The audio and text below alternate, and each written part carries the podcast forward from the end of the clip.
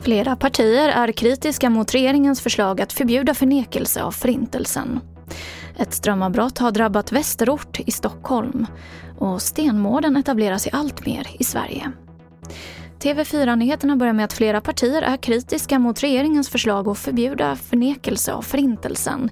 Det här visar en rundringning som Ekot har gjort. Enligt Ekot så är även Kristdemokraterna kritiska. Miljöpartiet har inte tagit ställning och partiets ledamot Rasmus Ling i justitieutskottet säger att det finns både principiella invändningar och frågor om ett förbud skulle vara effektivt. Ett strömavbrott har drabbat Västerort i Stockholm. Över 18 000 hushåll är utan el och det här kan pågå under hela förmiddagen.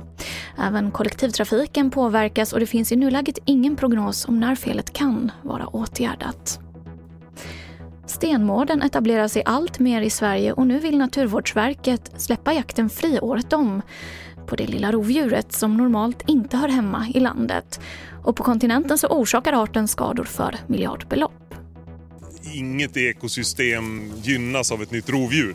om man ska göra insatser mot dem så ju tidigare man tar tag i frågan desto större chans att man lyckas och desto mindre pengar kostar det.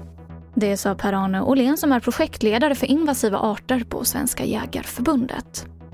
Och till sist ska jag berätta att ett rekordlångt tåg testkörs till Malmö från tyska marschen. Godståget är 835 meter långt och Trafikverkets mål är att utöka järnvägens kapacitet och göra den till ett kostnadseffektivt och klimatsmart alternativ till vägtransporter. Och det var det senaste från TV4 Nyheterna. Jag heter Emily Olsson.